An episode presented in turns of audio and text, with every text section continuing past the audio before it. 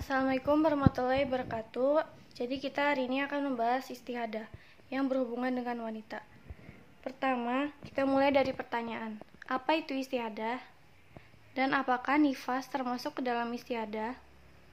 Jadi istihadah itu adalah darah yang keluar dari kemaluan wanita yang lebih dari 15 hari.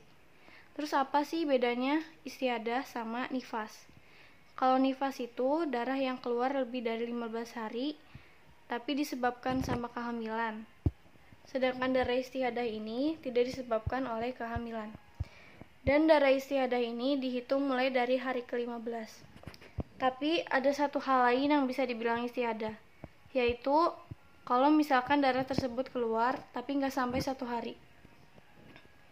Mungkin memang ada yang siklusnya sekitar 15 hari, tapi biasanya kata ulama-ulama, jika memang lebih dari 15 hari, langsung sholat aja dan boleh langsung puasa.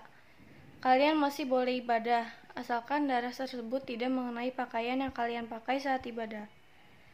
Ada dalam satu ada di salah satu perkataan Nabi dalam sebuah hadis, ketika Fatimah binti Hubais mengeluarkan darah haid namun lebih dari 15 hari. Dia bertanya, kenapa ini kok nggak selesai-selesai? Gimana sama sholatnya? Terus Nabi menjawab, kalau yang kamu lihat itu adalah darah haid, maka tinggalkanlah sholat. Namun jika darahnya sudah berhenti, maka sholatlah. Terus gimana cara bedain si darah ini sama darah haid? Jadi perbedaan jelasnya bisa kita lihat di ciri fisik darah tersebut. Kalau misalkan darah haid itu agak kehitaman dan punya bau busuk, maka darah itu adalah darah haid. Terus kalau misalkan darahnya gak terlalu kehitaman dan gak ada bau busuk, berarti itu bukan darah haid. Itu termasuk dalam istiadah. Jadi boleh langsung sholat aja.